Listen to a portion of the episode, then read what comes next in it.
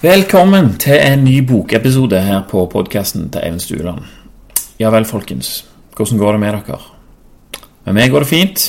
Jeg, eh, jeg, har fått meg en ny jobb og siden jeg var badevakt. Og det er indirekte grunnen til at denne episoden handler om ei bok som heter Mastery. Jeg snakket litt om den i forrige episode. Eh, men jeg jobber nå som noe som, eh, som, kalles for en samlever. En som lever sammen med noen, betyr det rett og slett. Så noen døgn i måneden så bor jeg i et hus sammen med noen andre som har samme jobb, og en til. En dag når jeg kom på jobb, så lå det et eksemplar av Mastery på bordet.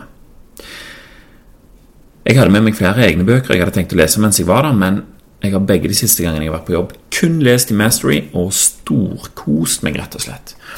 Jeg oppdaga Robert Green på en podkast eh, for noen år siden, og han snakka om måter å, eh, å, tenke på og måter å se ting på som gjorde meg interessert.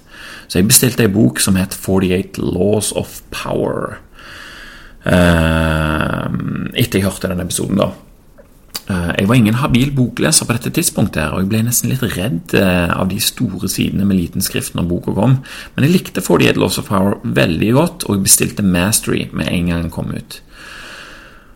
Og disse bøkene her, altså når du har lest de én gang, så er de perfekte å ha liggende tilgjengelig for uh, alt fra kortøkter på 10-15 minutter til lengre på et par timer. Altså Du trenger ikke å huske hvor du starta eller stoppa, det er ikke sånn.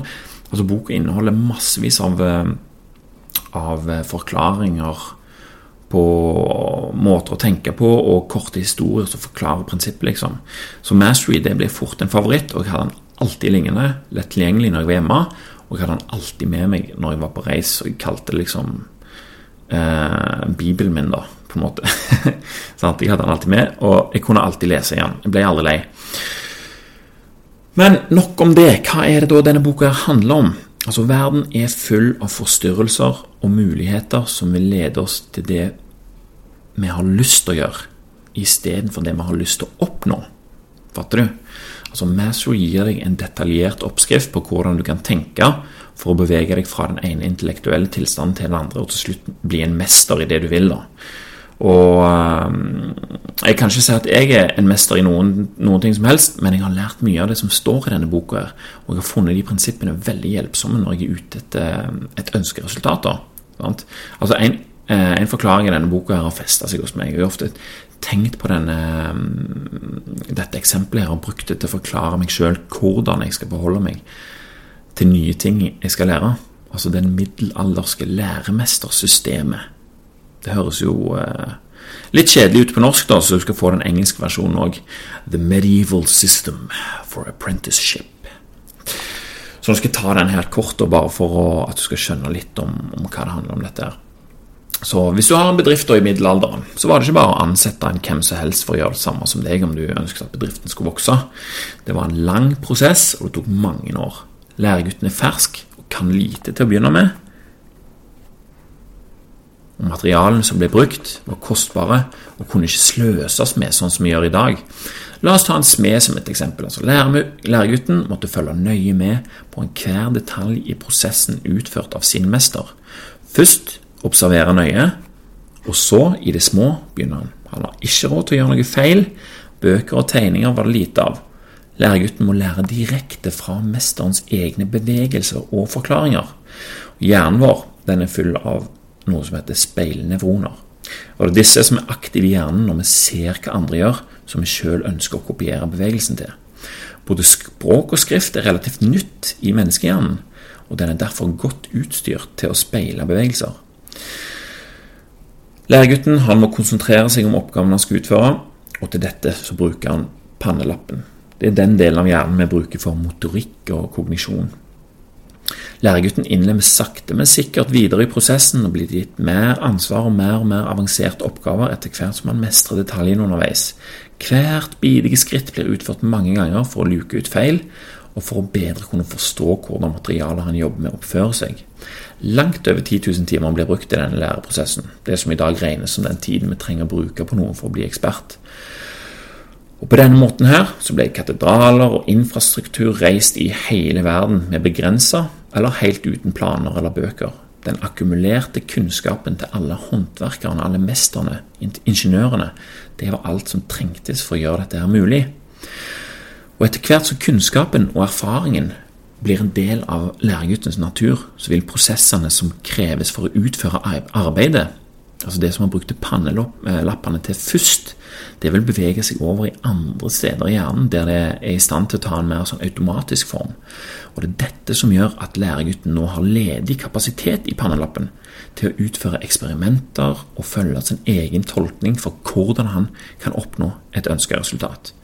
Og dette er et viktig steg mot å bli en mester.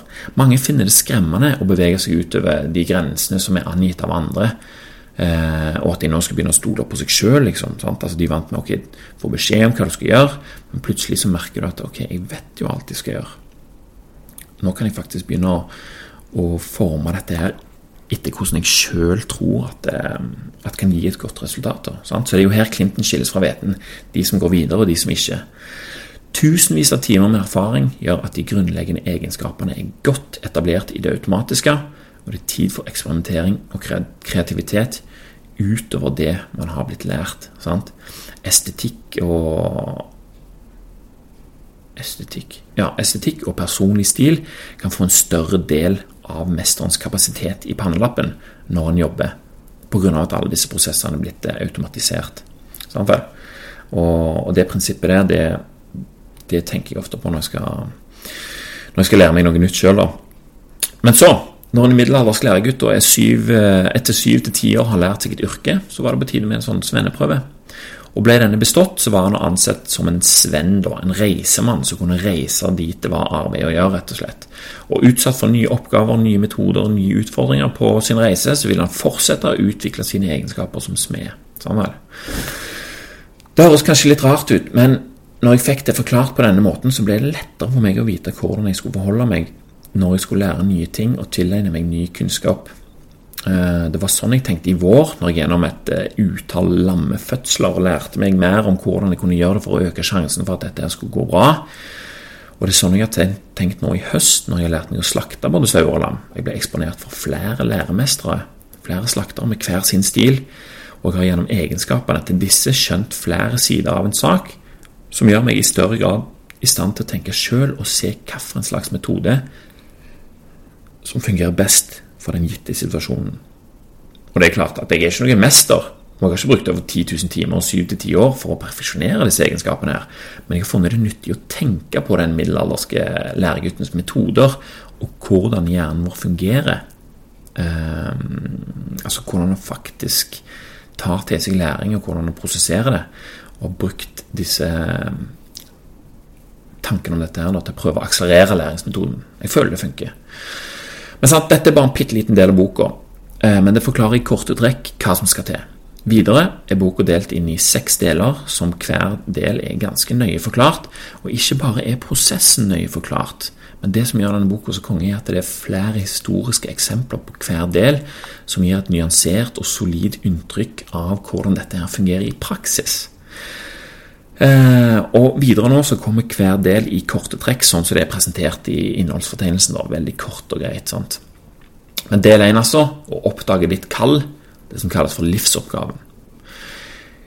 Hva gjør du som ikke trenger noen annen motivasjon enn det du allerede har iboende i deg? Å velge et yrke som er logisk i forhold til lønn og fagforening og arbeidstid og sånt, er kanskje ikke den beste måten å finne ut dette her på.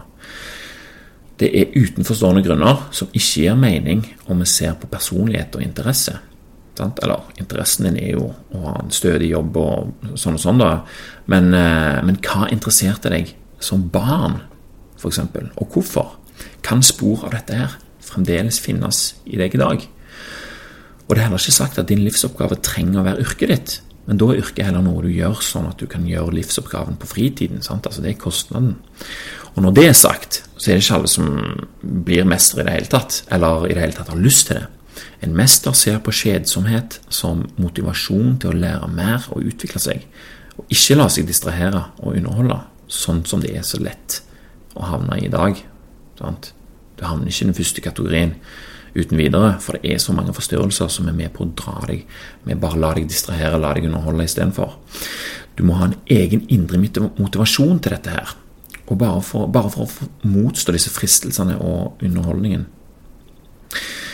Så etter en forklaring angående dette her, så er det lagt opp til eksempler fra historien der disse prinsippene her ble brukt. Denne delen heter Keys to Mastery, og i del 1 så får vi høre om flere historiske personer og hvordan deres strategi for å finne sin livs livsoppgave har utspilt seg. Blant andre Leonardo da Vinci, Albert Einstein, Marie Curie og Daniel Everett, som vi snakket om i siste episode. Kombinasjonen av prinsippet forklart og de forskjellige måtene historiske personer har forholdt seg til det, gjør at vi godt skjønner hva som menes med det hele.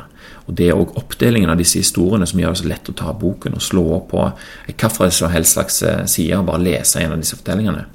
Sånn etter å ha lest boka en gang, så vet jeg hva, eh, hva, så vet jeg hva hver historie prøver å fortelle. Og vet òg meningen bak den delen av boka som kommer tilbake og blir oppfriska i sin helhet. på en måte. Hver del av boka er bygd opp på den måten her. Så har du del to den ideale læretiden, som jeg har oversatt det til, men som høres mye kulere ut på engelsk, selvfølgelig. The Ideal Apprenticeship. Etter den formelle utdannelsen og den mer eller mindre målretta søken etter sin livsoppgave, så er det på tide å ta dette her mer seriøst. Nå må vi finne en mer konkret metode for å få dette til å faktisk skje. Som middelaldergutten som ville bli smed, så måtte han finne en smed å lære av. Sant? Og Gjennom læretiden vil vi lære av de som allerede er mestere, sånn at vi kan gå i deres fotspor. De vet jo hva vei vei de har gått for å bli sånn som de har blitt, og de har funnet sin egen måte å forklare veien enda bedre til sine læregutter. Sant? I prosessen så lærer vi å disiplinere oss, omforme oss til en uavhengig tenker og forbedre oss til å være kreative. Nei, forberede oss til å være kreative og løsningsorienterte i møte med utfordringer. Vi går gjennom tre deler. Den første er observasjon, som er en passiv tilstand. Del nummer to tilegning av egenskaper, praksis. Og den siste eksperimentering, aktiv tilstand. Og Eksempler på dette i den moderne verden følger, eh, og nok et knippe med erfaringer fra historiens store personligheter. Hvordan de selv gjorde det, og hvordan de oppnådde det de ville. Benjamin Franklin, Henry Ford, Mozart og Einstein blant andre. Og så har du del nummer tre. Absorber mesterens styrke mentordynamikken. Uten skikkelig veiledning så kan du sløse vekk ganske mange år på prøving og feiling. Vi må finne mestere som allerede vet hvordan dette skal gjøres, og vi må følge veien deres. Mentorer kan være så mangt, levende eller død, kontroversiell eller konservativ. Det viktige er at mentoren er i samsvar med det som er livsoppgaven. Sant? Ofte så kan vi jo lære av mentorer ting som vi ikke skal gjøre òg. Det er ikke bare det de skal gjøre. Vi må suge til oss det vi kan. Vi må absorbere mentorens styrke og luke ut svakhetene. Når mesterens egenskaper er internaliserte, så er det på tide å bevege seg videre og aldri forbli i skyggen av mentoren din. Sant? Noen mentorer vil jobbe imot dette, her, men oppgaven vår er å bruke mentors kunnskap som grunnlag for å anvende vår egen kreativitet og egne ideer på toppen av dette. her. Det er jo det som er utvikling. Kapittelet forklarer hvordan vi skal bevege oss gjennom de ulike fasene fra ydmykhet til selvsikkerhet, og fortellinger om Thomas Edison, Michael Faraday og Carl Jung er blitt brukt som eksempler. Så kommer vi til del fire.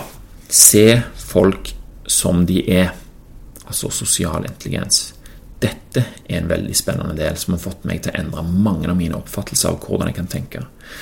Som det står i boka, vårt største hinder i veien mot mastery er kostnaden av alt det sosiale vi må forholde oss til, og manipulasjon og motstand fra de som befinner seg rundt oss.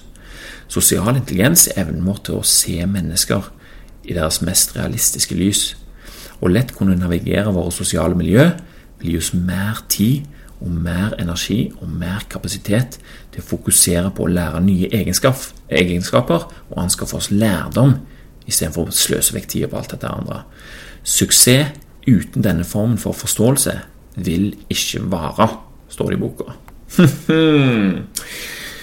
det betyr at dette her er ganske viktig. Det er ikke bare historiske eksempler for kjente personligheter som hjelper oss med å forstå dette, her, men boken er òg liksom fuga på en måte med filosofiske setninger fra alle tidsepoker som hjelper oss å se dette tydeligere.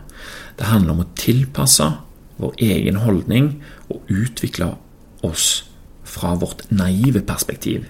Vårt naive perspektiv er viktig for oss når vi er barn, når vi trenger det for å tro at f.eks. For våre foreldre er feilfrie.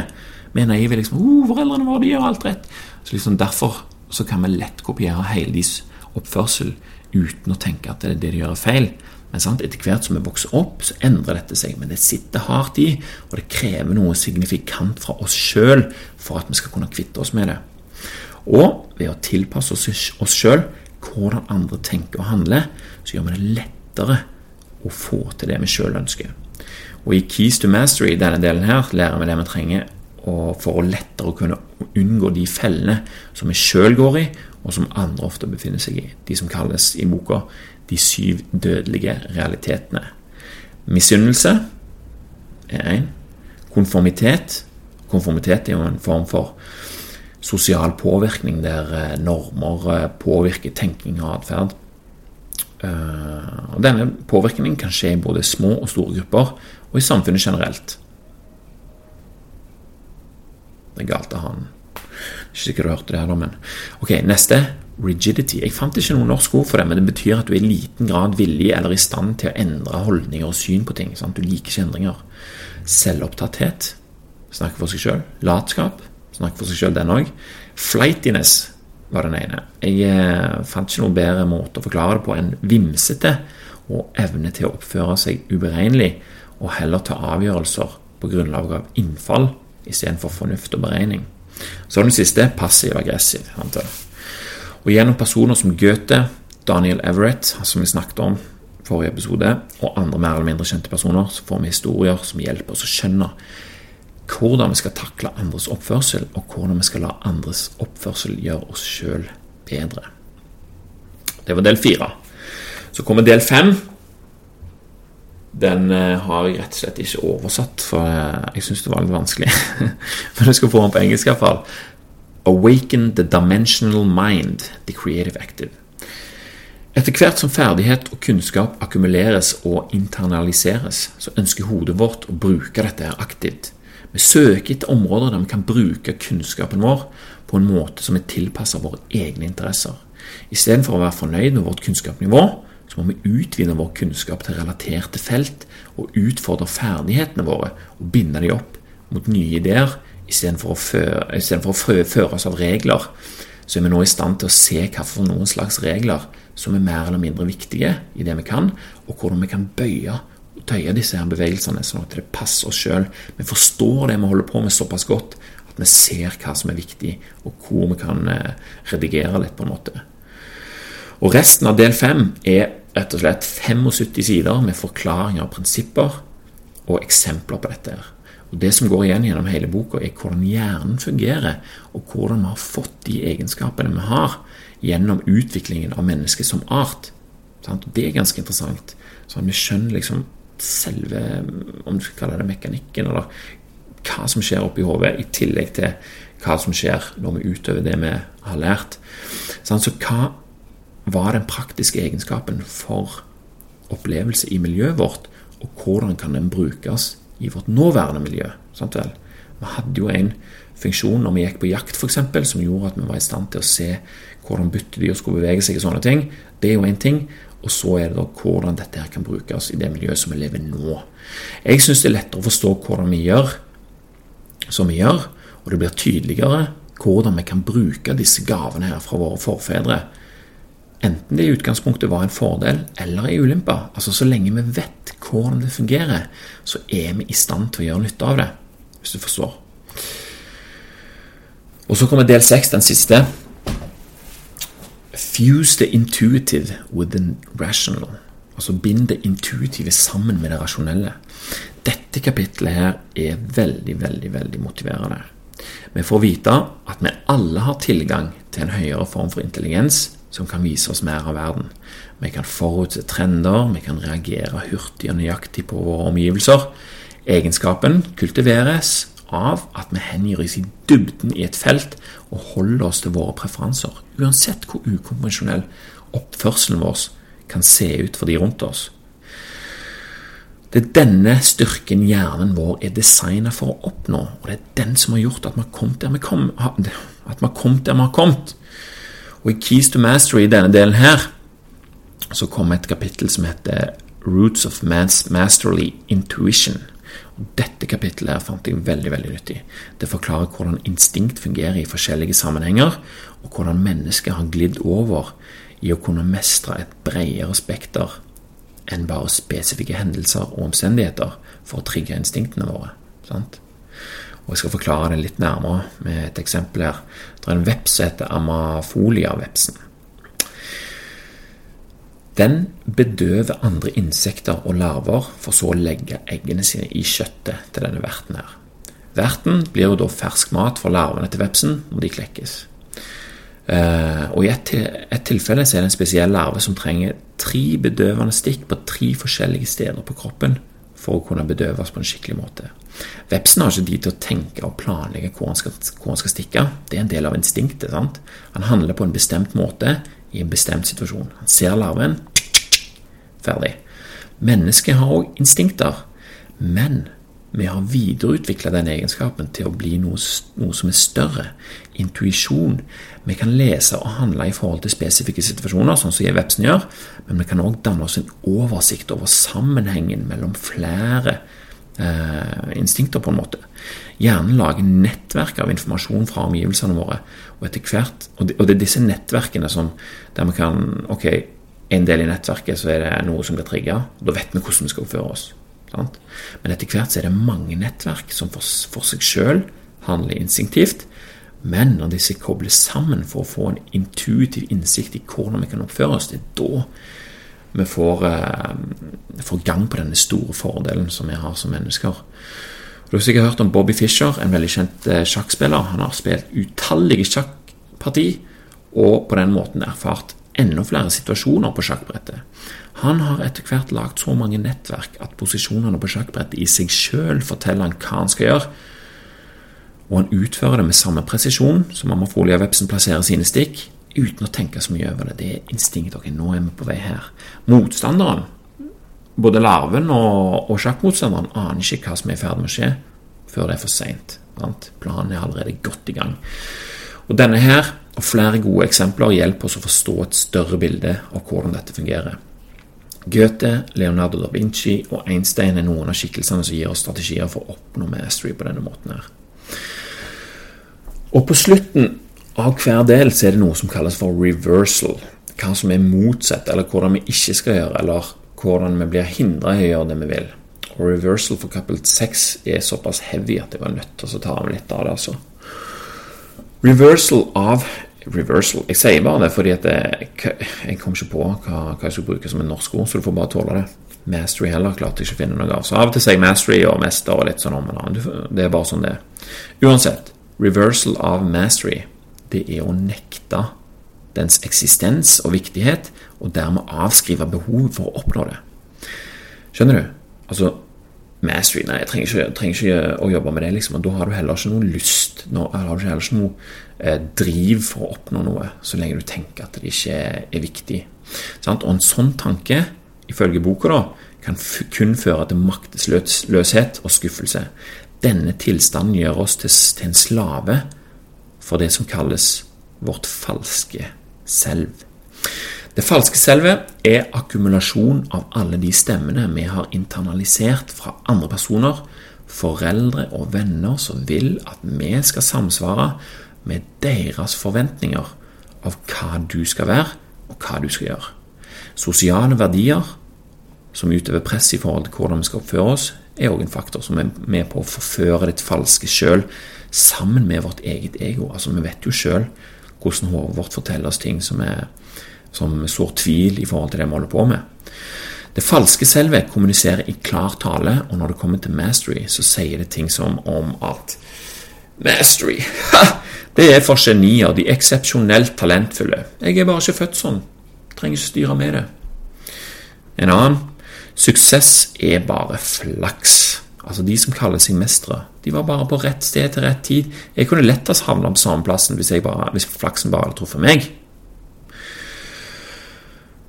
Å jobbe så lenge for noe som koster så mye innsats og ofring, da er det bedre å bare nyte livet jeg har, og ikke gjøre mer enn jeg må.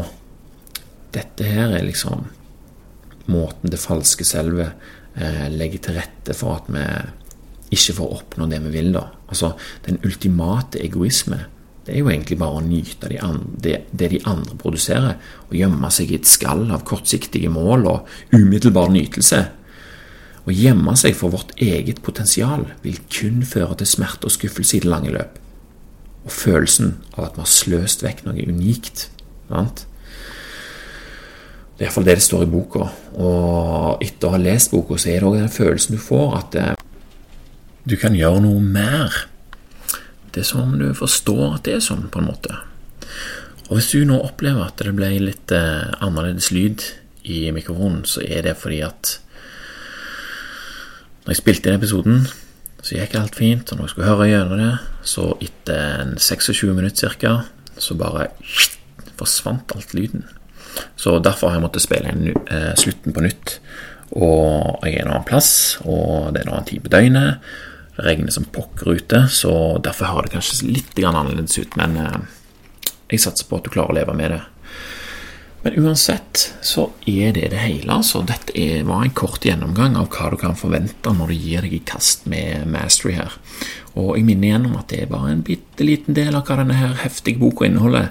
Og det er nesten umulig å forklare potensialet som man innehar bare kort her. Altså Her får du bare litt av hva, hva du kan lese om, og så er det jo hundrevis av sider med, med Gud som eh, du kommer til å takle på din egen måte og koble opp mot dine egne hendelser og, og sånne ting som det. Så alt blir jo veldig individuelt her.